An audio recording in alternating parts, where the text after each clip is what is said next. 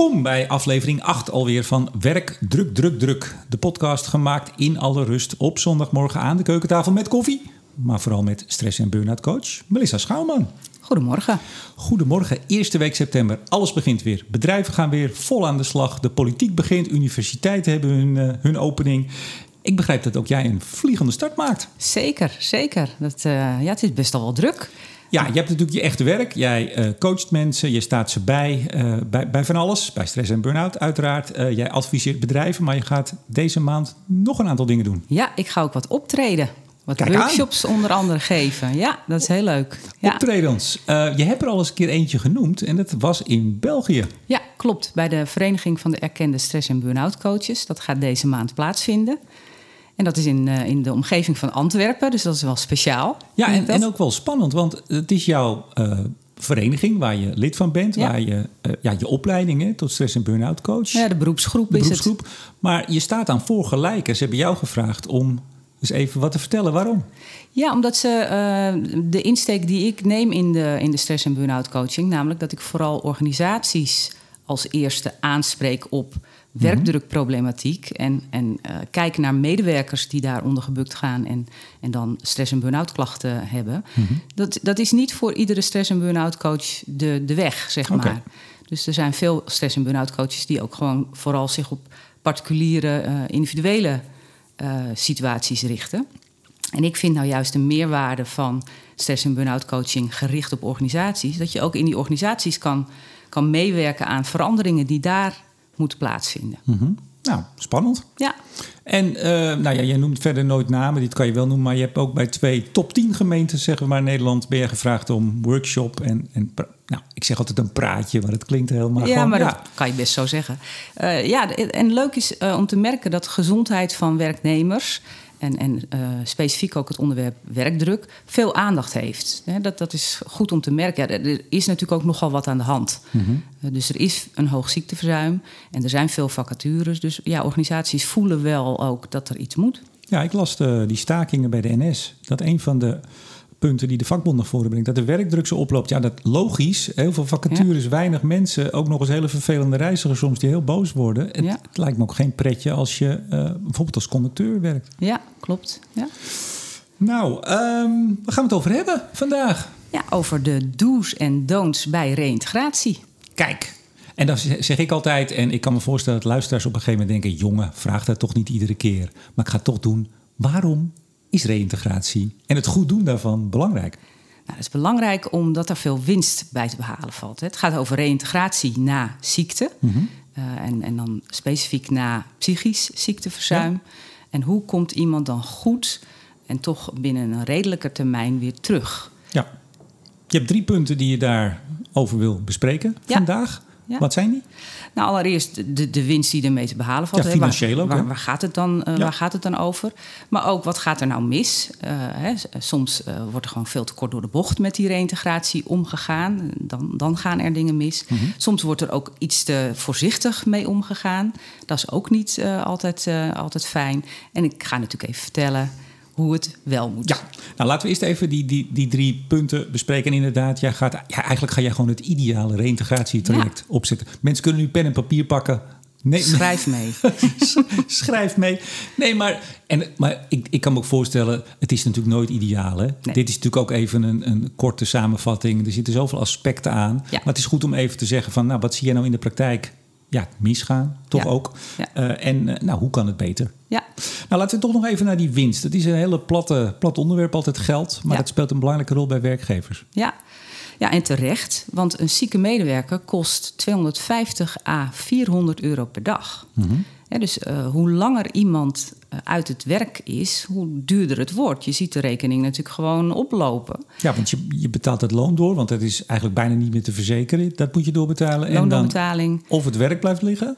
Ja, of, Of- vervanging. Hè, dus Ja. dat er uh, iemand ingehuurd moet worden om dat werk uh, over te nemen. Uh, dus, en ook, het, het, heeft ook effect op de collega's. Mhm. Dus ook de collega's voelen natuurlijk als er iemand wegvalt uit, uit het werk, uh, dat er dingen overgenomen moeten worden. Dus ja, het, het is een, een, iets met een, met een financieel prijskaartje, maar ook wel met een soort ja, mentaal prijskaartje voor de, voor de werkomgeving. Ja, we komen zo ook even bij de prijskaartje voor de werknemer zelf, natuurlijk de zieke. Ja. Maar even eh, bedenk ik me ineens, zou je zo'n domino-effect kunnen zien? Dat als Ja. er één omvalt, dat er meer gaan? Zie jij Ja, dat? ja.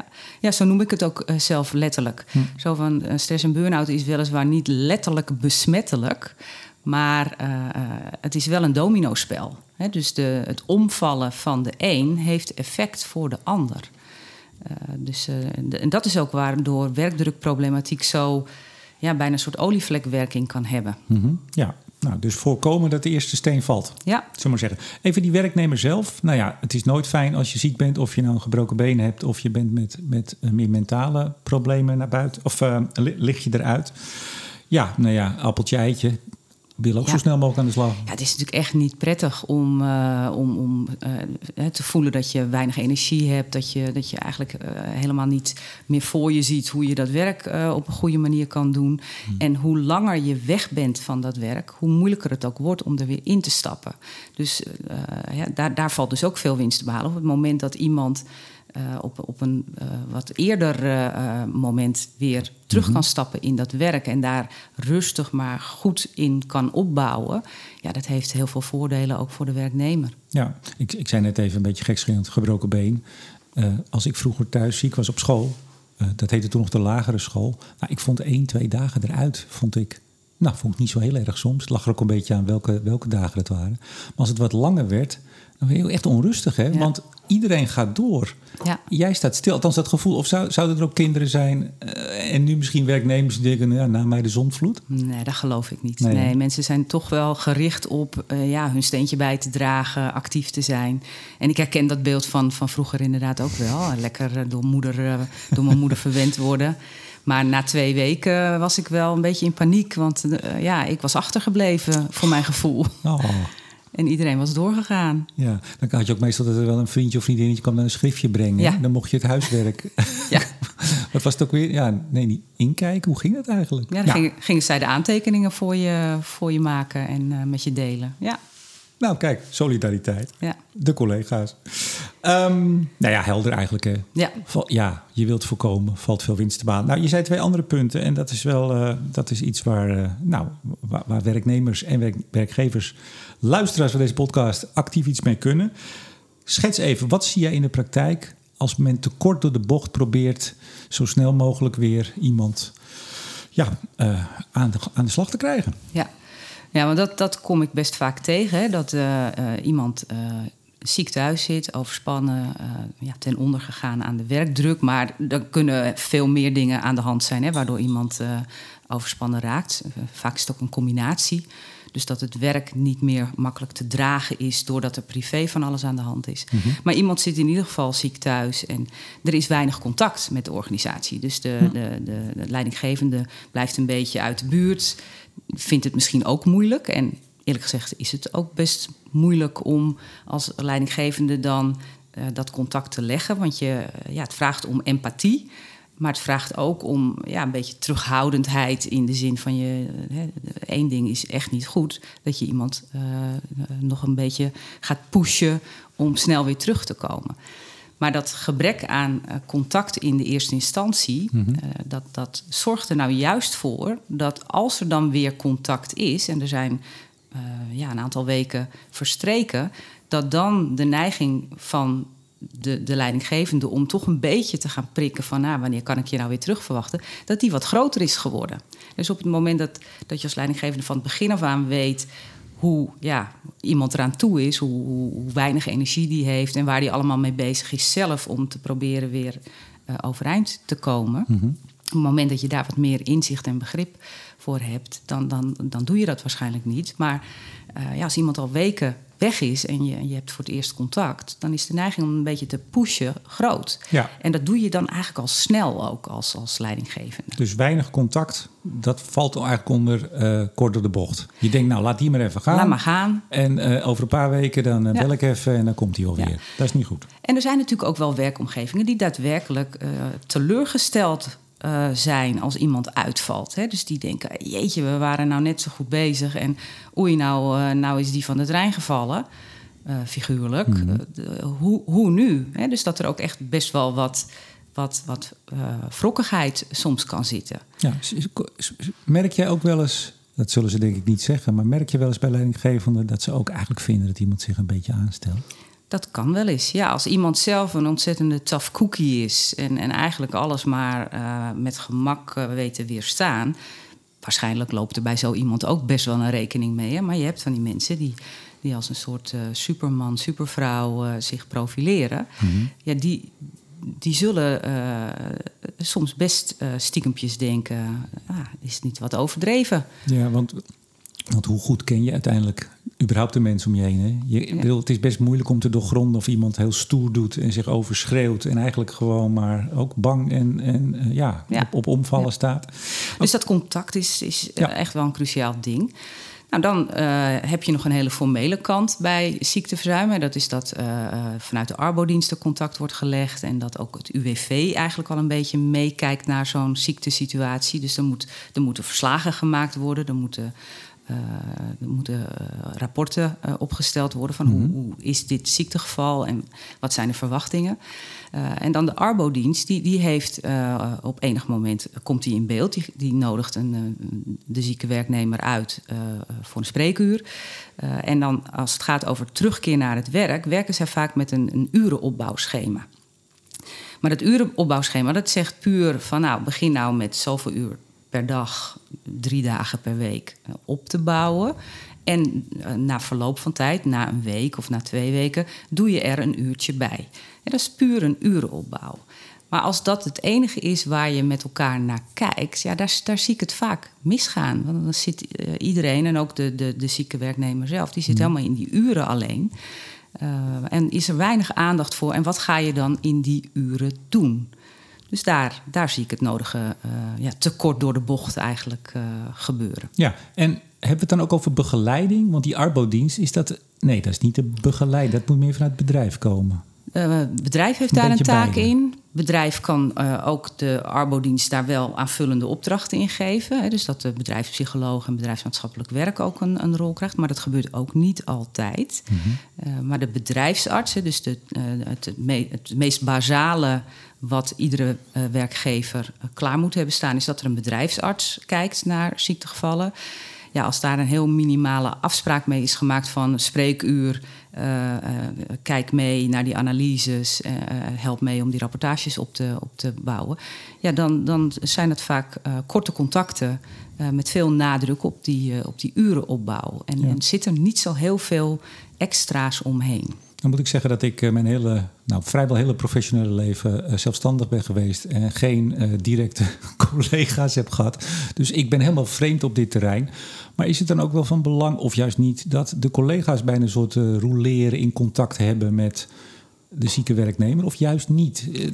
Blijf je dan appen, joh, hoe gaat het met je? Of is dat juist niet goed? Nou, dat is een beetje afhankelijk van de, de van de, de zieke collega zelf. Wat wil die? Uh, want ook uh, mensen zelf willen soms wel even wat afstand. Mm -hmm. Dus het is heel belangrijk, maar dat komt straks natuurlijk ook wel in het ideale traject, om, om goed te kijken hoe zit iemand er zelf in. Maar idealiter zou je eigenlijk, wat jij voorstelt, hè, dus dat de verschillende collega's op gezette momenten contact hebben, dat zou wel heel fijn zijn. Want dat maakt in ieder geval het gevoel van ik hoor er nog bij groter. En uh, ja. ook de, de, de drempel om weer terug te stappen naar het werk wordt lager.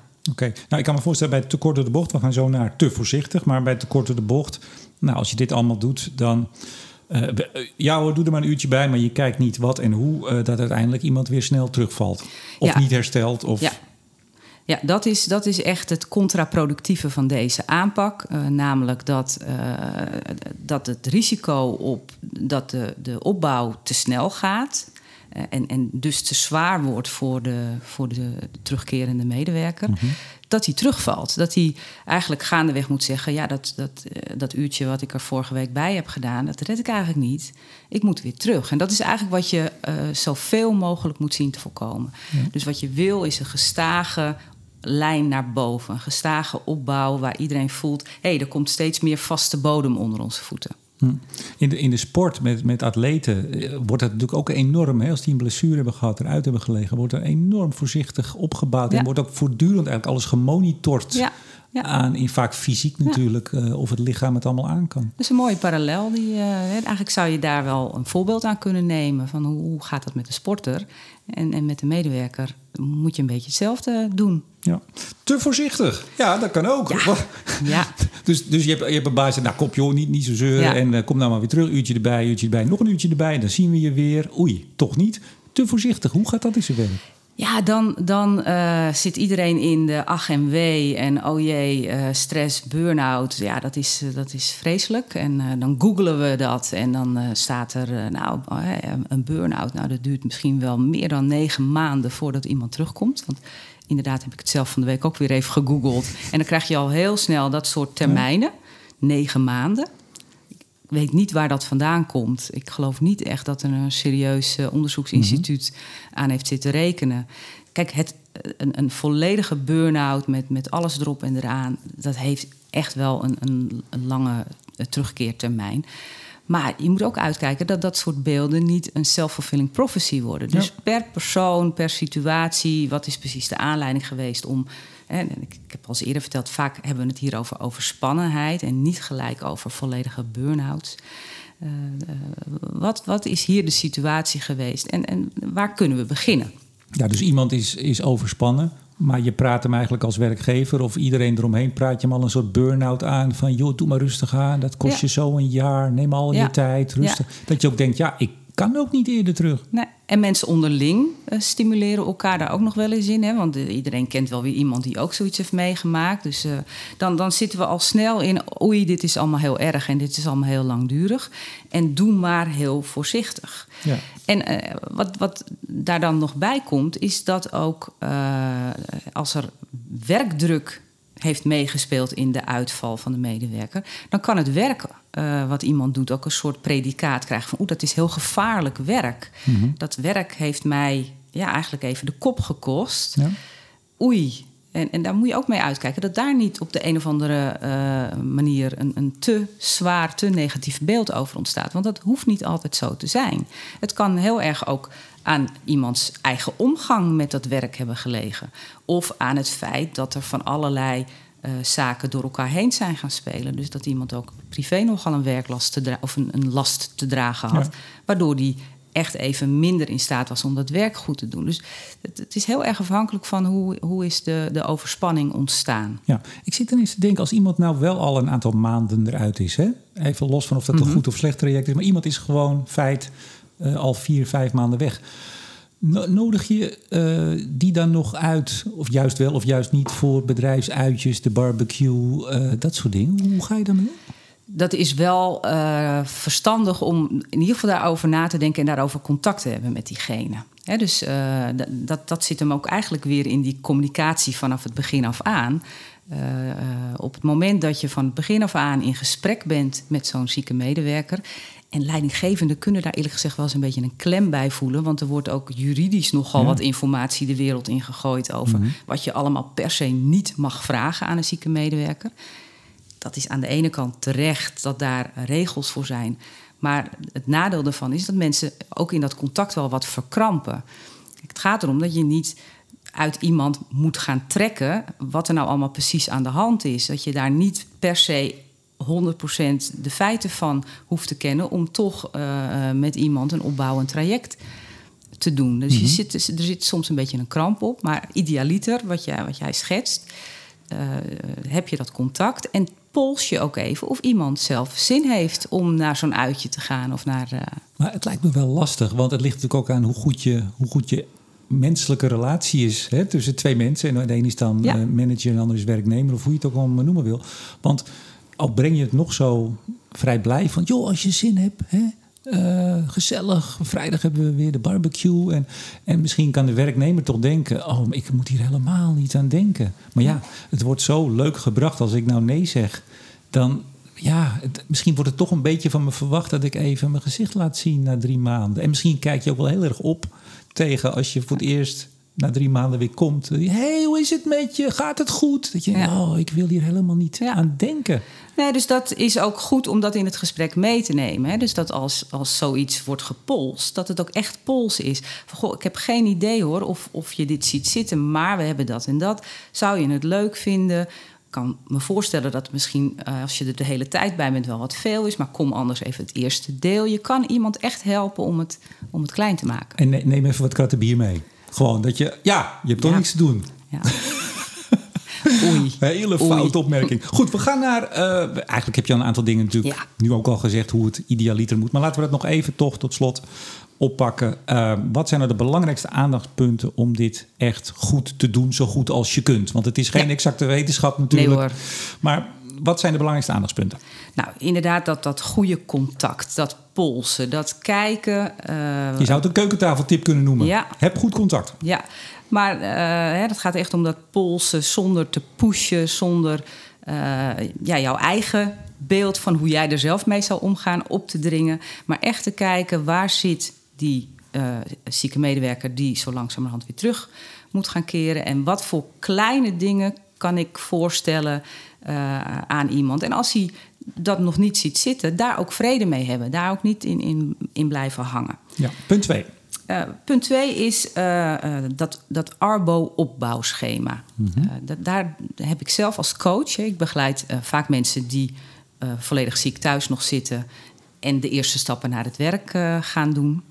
Eh, en dat Arbo-opbouwschema eh, kom ik heel vaak tegen als een soort eh, ja, vaststaand gegeven. Dit is waar we ons op moeten richten. Het gaat om die uren, het gaat om die opbouw. En ik roep dan altijd gelijk: ga niet alleen naar die uren kijken, ga kijken wat iemand in die uren wil en zelf denkt te kunnen gaan doen. Waar voelt hij in de eerste instantie de meeste stevigheid bij? Ja. Laat hem nou niet gelijk eh, eh, in alle opzichten eh, gaan meedraaien in, in een, een heel klein aantal uren. Heel veel dingen voor de schermen doen. Dat ik, wat ik vaak merk als, mensen, als ik mensen de vraag stel: welk werk zie je nu zitten om in die eerste periode te doen? Dan is dat vaak achter de schermen. Vaak niet gelijk in het volledige licht. Niet gelijk meedraaien in allerlei vergadercircuits. De mogelijkheid ook hebben om een beetje wat dingen thuis te kunnen, thuis te kunnen doen. Eh, dat, daar hebben mensen echt behoefte aan om eh, te voelen hoe, hoe stevig is de bodem weer onder mijn voeten. Ja. En kijk jij dan ook naar de privéactiviteiten van mensen? Ja, ja. ja en, en vaak als ik mensen coach eh, vanaf het moment dat ze nog ziek thuis zitten, gebruiken we in, de, in het coachtraject die privéactiviteiten al als een soort voorlopertje. Van hey, hoe zit je nu met je activiteiten die je thuis doet? Eh, het is natuurlijk belangrijk ook eh, in die coaching om dan steeds op te letten hoeveel energie heeft iemand, waar zit iemand. Hè? Ook dit moet je wel op een passend moment doen. Maar ook privé zie je dat het slim is als mensen hun activiteiten opbouwen. Dus eh, waar ze misschien in de eerste weken dat ze ziek thuis zijn, eh, alleen nog maar gaan, eh, een wandelingetje gaan doen iedere dag. eh, en uiteindelijk is voorzichtig een boodschapje gaan halen. kun je in die privéactiviteiten ook een opbouw maken. Namelijk, goh, heb je, ga, deze week misschien eens bij iemand op bezoek. Ja, en als iemand altijd in de voetbalkantine in het weekend staat en daar ook mee gestopt is, heb je daar al weer zin in. Maar dat betekent wel dat je ook wel naar het privéleven moet, moet vragen. En Ja. mensen moeten daar wel over, ook over willen vertellen. Ja, ja. En, en, en, en natuurlijk als iemand het helemaal weg wil houden uit het traject... Ja, dan, dan moet je daar ook als coach natuurlijk niet op gaan zitten pushen. Maar doorgaans hebben, eh, zijn mensen zeer geneigd om eh, ja, eigenlijk eh, je in alles mee te laten kijken. Eh, en uiteindelijk is het aan, aan hen om, om te bepalen... hé, dit zie ik wel zitten. Dit voelt wel als iets wat mij nu kan helpen... om gestaag die stapjes omhoog te Ja. maken. Is dat misschien ook zelfs een graadmeter voor het werkherstel? Hoe iemand zich in zijn privé-tijd en hoeveel energie je overhoudt? Kijk dus- je daarnaar? Ja, eh, dus als je eh, naar dat urenopbouwschema, als je dan ook goed kijkt naar de activiteiten die iemand doet en steeds eh, iemand zelf laat, laat kijken, gaat dit nou goed? Dan is een graadmeter of iemand ook energie overhoudt na die werkuren die hij heeft gemaakt, om thuis nog wat dingen te doen. Mhm, Ja. Het is natuurlijk wel belangrijk dat hij thuis niet gelijk hele extreme dingen eh, wil gaan doen. Hè. Eh, Even een serre aanbouwen. Bijvoorbeeld een, uh, een, een, verhuizing op touw zetten of wat dan ook. Maar uh, de, de, een graadmeter is als je na je werkdag gewoon nog energie overhoudt om thuis ook de dingen te doen die je prettig vindt of die je moet doen. Oké. Nou, het laatste denk ik, uh, ja, bovenal, dat heb je al een paar keer verteld, maar heel belangrijk nog, het, het voorkomen van terugval. Ja. Ja, want dat is echt funest voor een, uh, voor een reïntegratietraject. Als het een soort van uh, drie stappen vooruit en vier stappen achteruit uh, gaat zijn. Mm -hmm. dus dan, dan lijkt het wel lekker voortvarend te gaan. Flinke grote stappen, flink veel uren erbij. Hup, meteen allemaal voor de, voor de schermen activiteiten. Lekker weer meedraaiende vergaderingen. Precies. Ik ben er weer. Ja, en ook eigenlijk datgene wat misschien de les is geweest van uh, terugkeren na overspanning. Namelijk zorg nou voor rust en herstel in je, in je werkdagen. Zorg nou dat je, dat je goed bij jezelf te raden gaat. Is dit nou en voelt dit nou lekker? Als iemand dat meteen helemaal loslaat. Uh, dan is de kans heel groot dat hij al snel weer onderuit gaat. Want de gevoeligheid voor die overspanning, die is nog enorm. Dat blijft soms ook best wel een aantal jaren, uh, blijft dat bij iemand. Dat, dat gevoel van, oeh, ik, ik red dit niet meer. En ik zeg zelf altijd, dat is eigenlijk alleen maar heel goed. Dus je, je, je eigen signaalfunctie om te voelen dat je in de overdrive zit, dat je te veel doet, dat je je eigen werkdruk eigenlijk uh, aan het, aan het oppompen bent. Dat is heel goed dat je lijf daar eigenlijk sneller van laat merken. Oei, stop. Nou, en als je dat dus doet, dan nogmaals, het is geen exacte wetenschap. Dus het is iedere keer ook afhankelijk natuurlijk van de ja. mensen. En aanvoelen, openheid, denk ik ook naar elkaar toe. Zeg ja. eerlijk wat je wel en niet aan kan. Ja. en, en, en kijk dus ook letterlijk die graadmeter. Hoeveel energie heeft iemand over? Zakt die terug? Bouwt die op? En niet te hard. En wees creatief ook in het kijken naar activiteiten. dus uh, ik hoor ook bijvoorbeeld wel eens een goede voorbeelden van uh, mensen die aan het reïntegreren zijn. Dat er een collega een beetje naast ze wordt gezet. Uh, als, een, als een soort schaduwcollega die, die dingen kan opvangen.